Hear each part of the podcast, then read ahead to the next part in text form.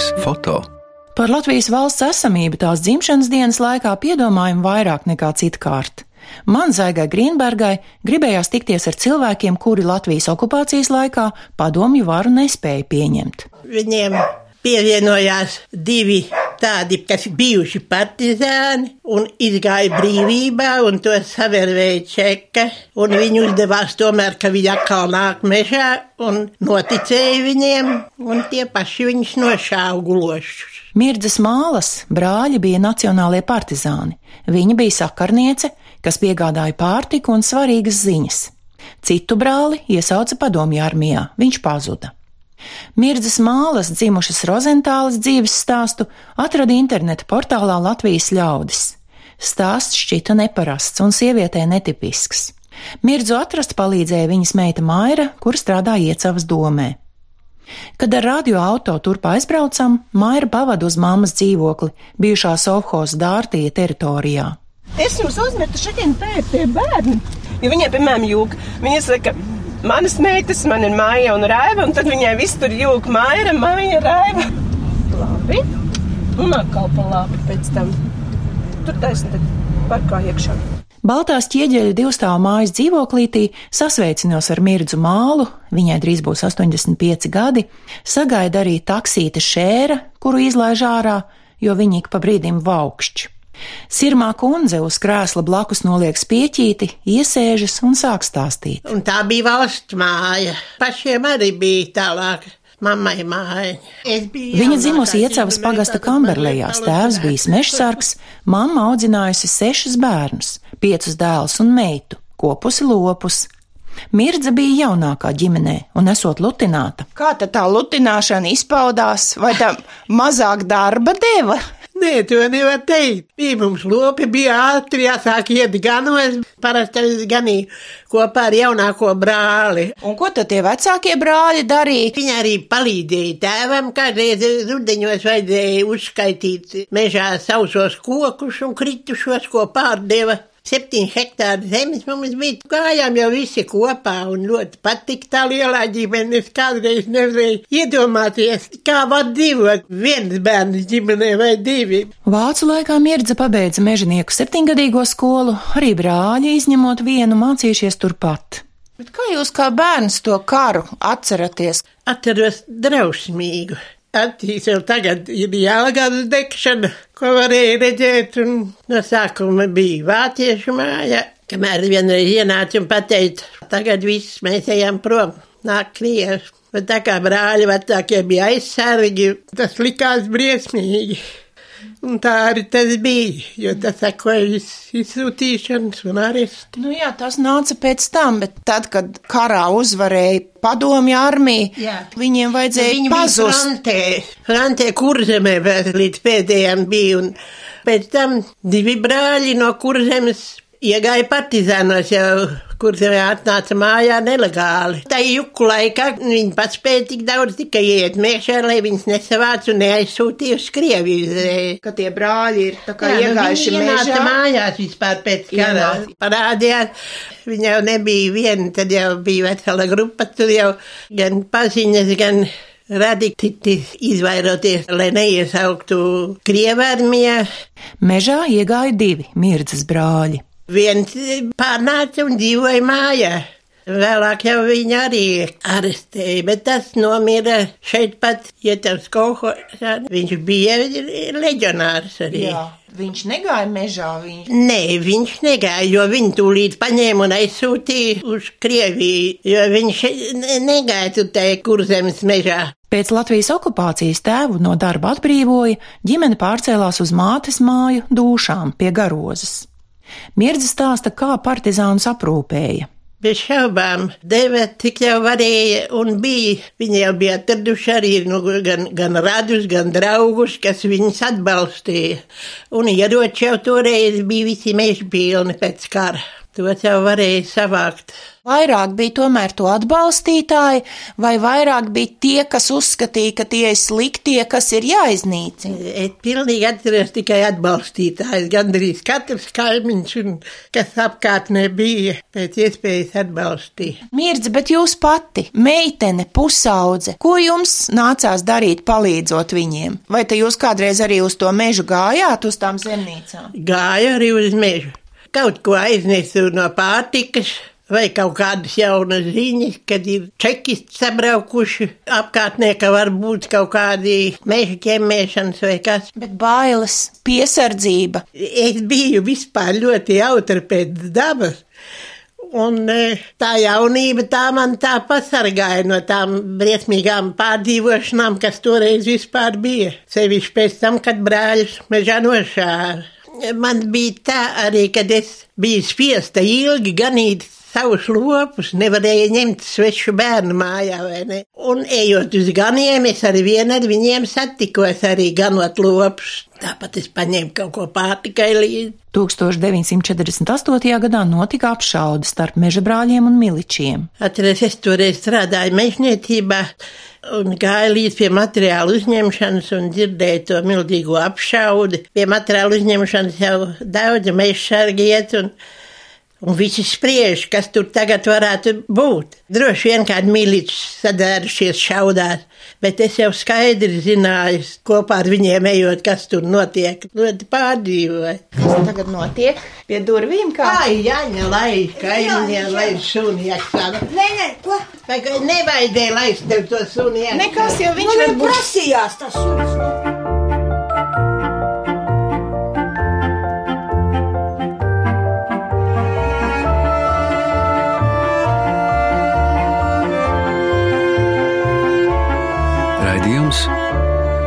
Melnbaltais foto.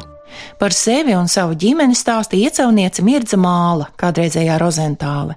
Turpmākajā sarunas daļā aiz durvīm asistē melnā sunīte. Mirdza turpina par pēckara apšaudi mežā. Vietējie miliči bija izgājuši tāpat uz malamedībām un uzgājuši to punkuri.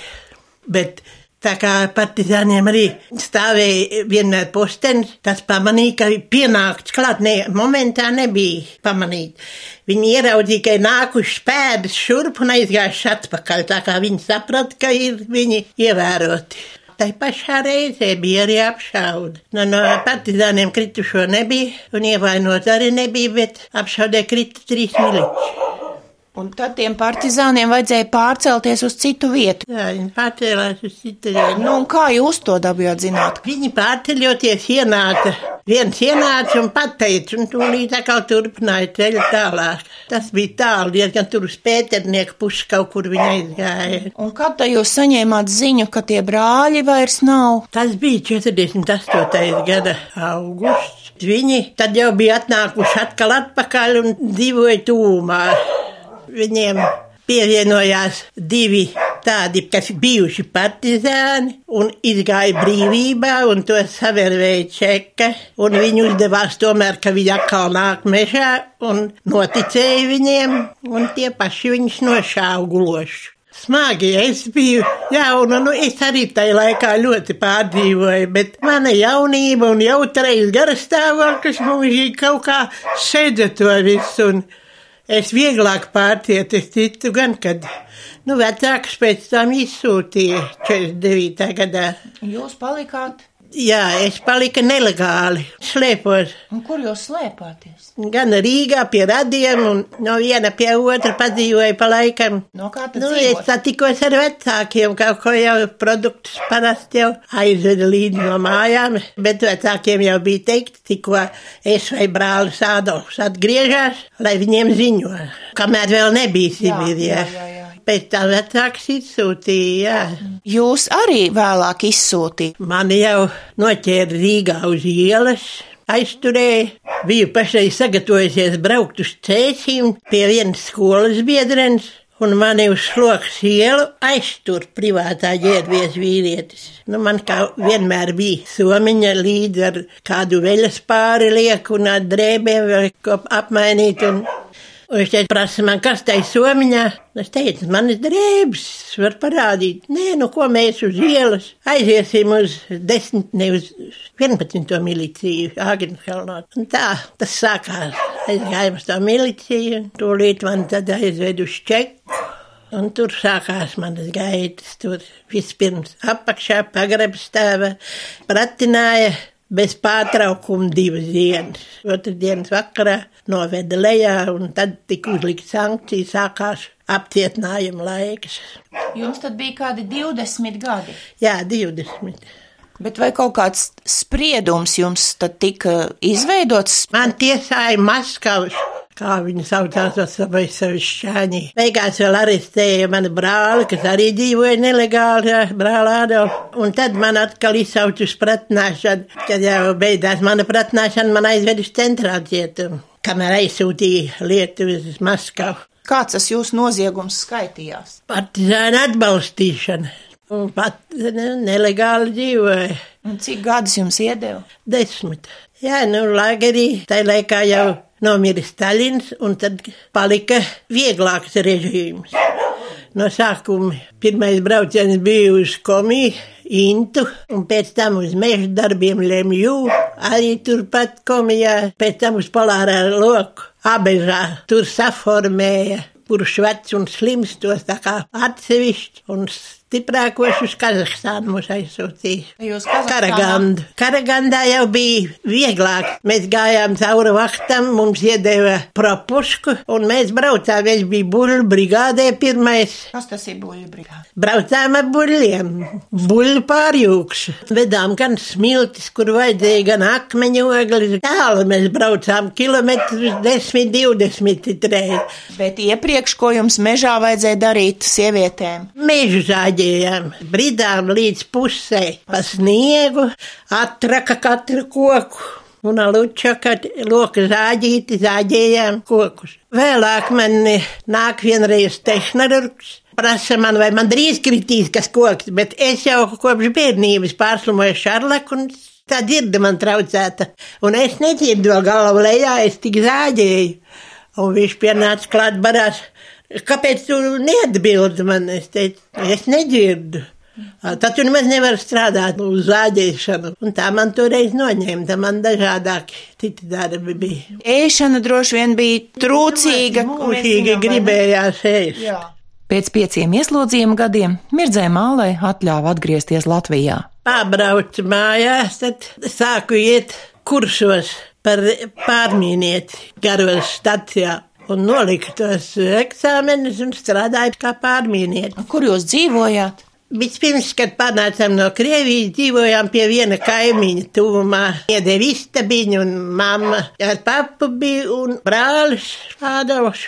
Un es dzīvojām tur. Kamēr pamazām mēs jaunie aizgājām, apprecējāmies, nu, es aizgāju garos, un tad arī garos dabūju dzīvokli.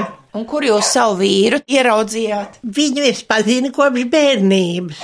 Viņa tēvs pie mana tēva strādāja kā mežstrādnieks. Viņi bija rīdznieki, iznākuši no Rīgas. Kārlis bija jūsu vīrs. Jā, kāda.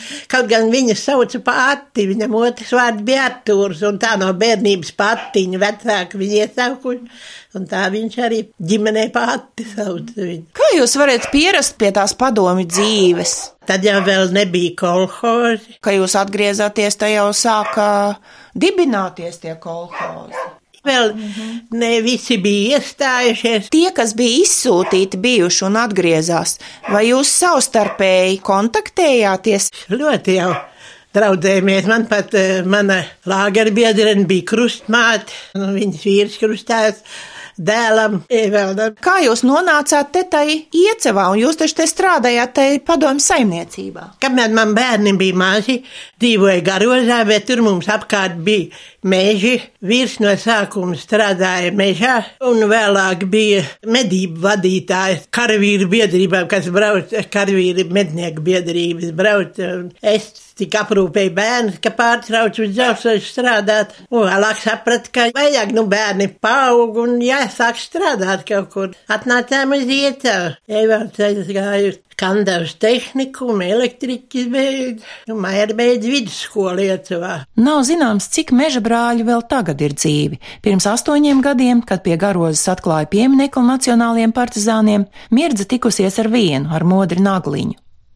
Mirdza strādājusi padomu saimniecībā progress, kam nosaukums bija arī dārtie, par teļu kopēju un dārzkopi. No šī darba pensionējās. Un kad te jūs šito dzīvoklī dabūjāt? Tad vēl strādāju, es jau pieteicos sen, bet nu tā, iedēju man vispirms lauku mājās vienās dzīvokli, ka es atnācu te. Pēc tam piešķīra to te, nu es ar vienu vēl prasīju, tad man piešķīra te, nu, kamēr atremontēju, tas jau ir Jā, nu jau 25 gadi kā ir, kā dzīvoja. Tā laikā vīrs saslima. Arī kādu gadu viņš nogulēja gūtā kopuņu. No kā tas šitie ragi ir? Vīrs bija, jau laikam teicu, ka viņš bija tas medību vadītājs. Nu, gadījās tā, kad viņam uznāca tas alnis virsū un viņš nošāva, nu, priekš kolektīva. Kolektīvi jau bija armīnieki viņam visi, armijas virsnieki. Nu, bet ragi viņam palika tā gaļa aizgāja tiem medniekiem. Tik daudz, kas pieredzēts un tik daudz, kas neparasts. Jūs būtu gribējis, ka būtu kaut kas citādi? Tā grūti aptvert to, nu, bez šaubām. Bija jau daudz un smagi strādāt, tad, kad dzīvoja nelegāli, aizgāja tikko.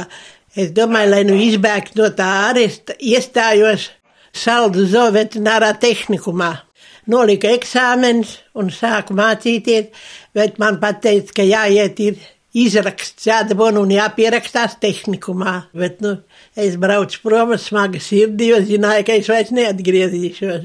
Dokumentu lietība vēl tagad palika tur iekšā. Būtu gribējies, ka tas mūžs būtu bijis tāds mierīgāks, bez tādiem riskiem. Jūs taču nevarējāt nekā ietekmēt. Jūs sapratāt, ka jūs atbalstāt cilvēkus, kuri ir pa Latvijas brīvību, vai tad ne tā? Jā, nu, bez šaubām. Pie tām tie mani tūrieki bija kā brāļi. Vai? Kā nepabarot brāļus? Jā, jā. Un prasīja, lai nodod savus eh, brāļus, un viņš tāpat vecākiem prasīja, lai tūlīt paziņo viņiem militijā, kad eh, es ierodos vai brālis ierodās. Tad jau dzīvojām nelegāli. Mirdz atceras senākus laikus, arī skolas laikā iemācītas dzējoļus, bet jaunāks notikums mazāk. Tik atceros, vecākais brālis kādreiz dienēja Latvijas armijā smagajā artilērijā, un viņiem bija tāda himna. Artilēristiem zaļa krāsa, par visām zila krāsa. Artilēristiem bija zilas tās petlītes. Par visām krāsām skaistāk. Tad partizāni pielāgoja, ka partizāniem zaļa krāsa, par visām krāsām skaistāk. Tad, kad jūs atgriezāties jau no tā izsūtījuma, ka jūs satikāties ar bijušiem izsūtītajiem, bija kaut kādas jubilejas vai svinēšanas, Jā. jūs taču arī uzdziedājāt. Jā, Ko jūs dziedājāt? Dziedājām dziesmas skolā, arī dziedājām. Vairāk jau tādas patriotiskas dziesmas dziedājām. Lēģerī jau arī noturēja tādas mazas dievkalpojumus. Bija viena tāda brigadiere, kas vadītu. Un... Kas pašai patīk? Tā grūti pateikt, bet tas ļoti daudz. Daudz, Mēs sevišķi, kas satikāmies, dziedājām. Bija pie vienas leģera biedrenes Jelgavā bija tāds salidojums. Un tur, nu, ilgi daudz dziedājām, bet cits nemāku patīt. Nu, visas patriotiskās dziesmas, ko tajā laikā dziedājām.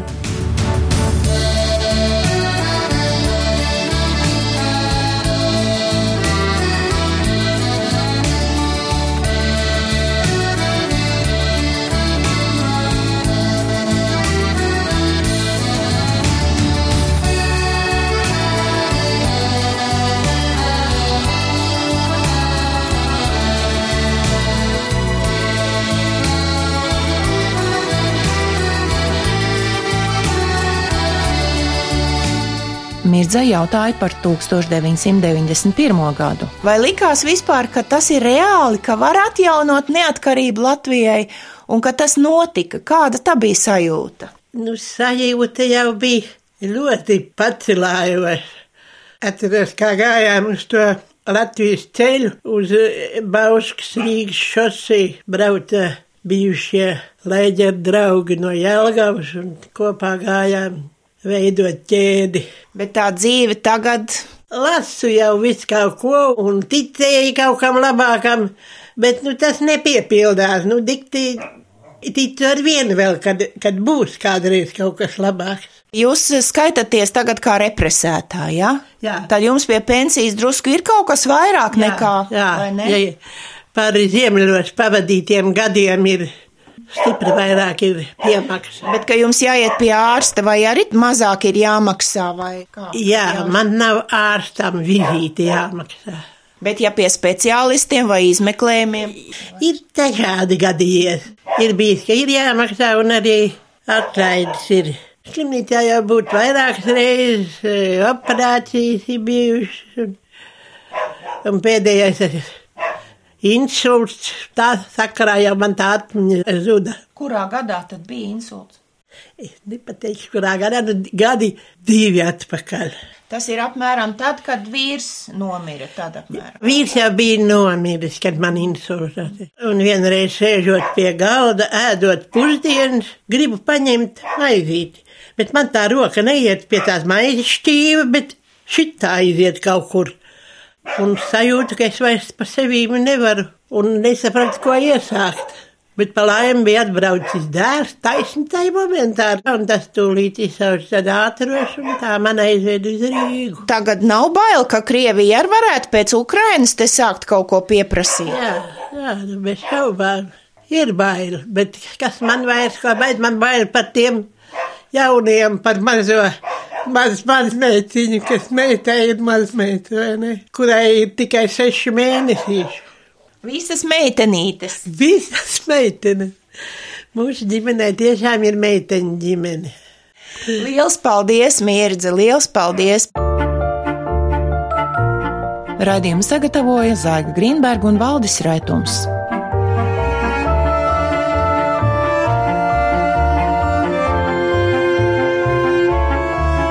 Raidījums Melnbaltais foto.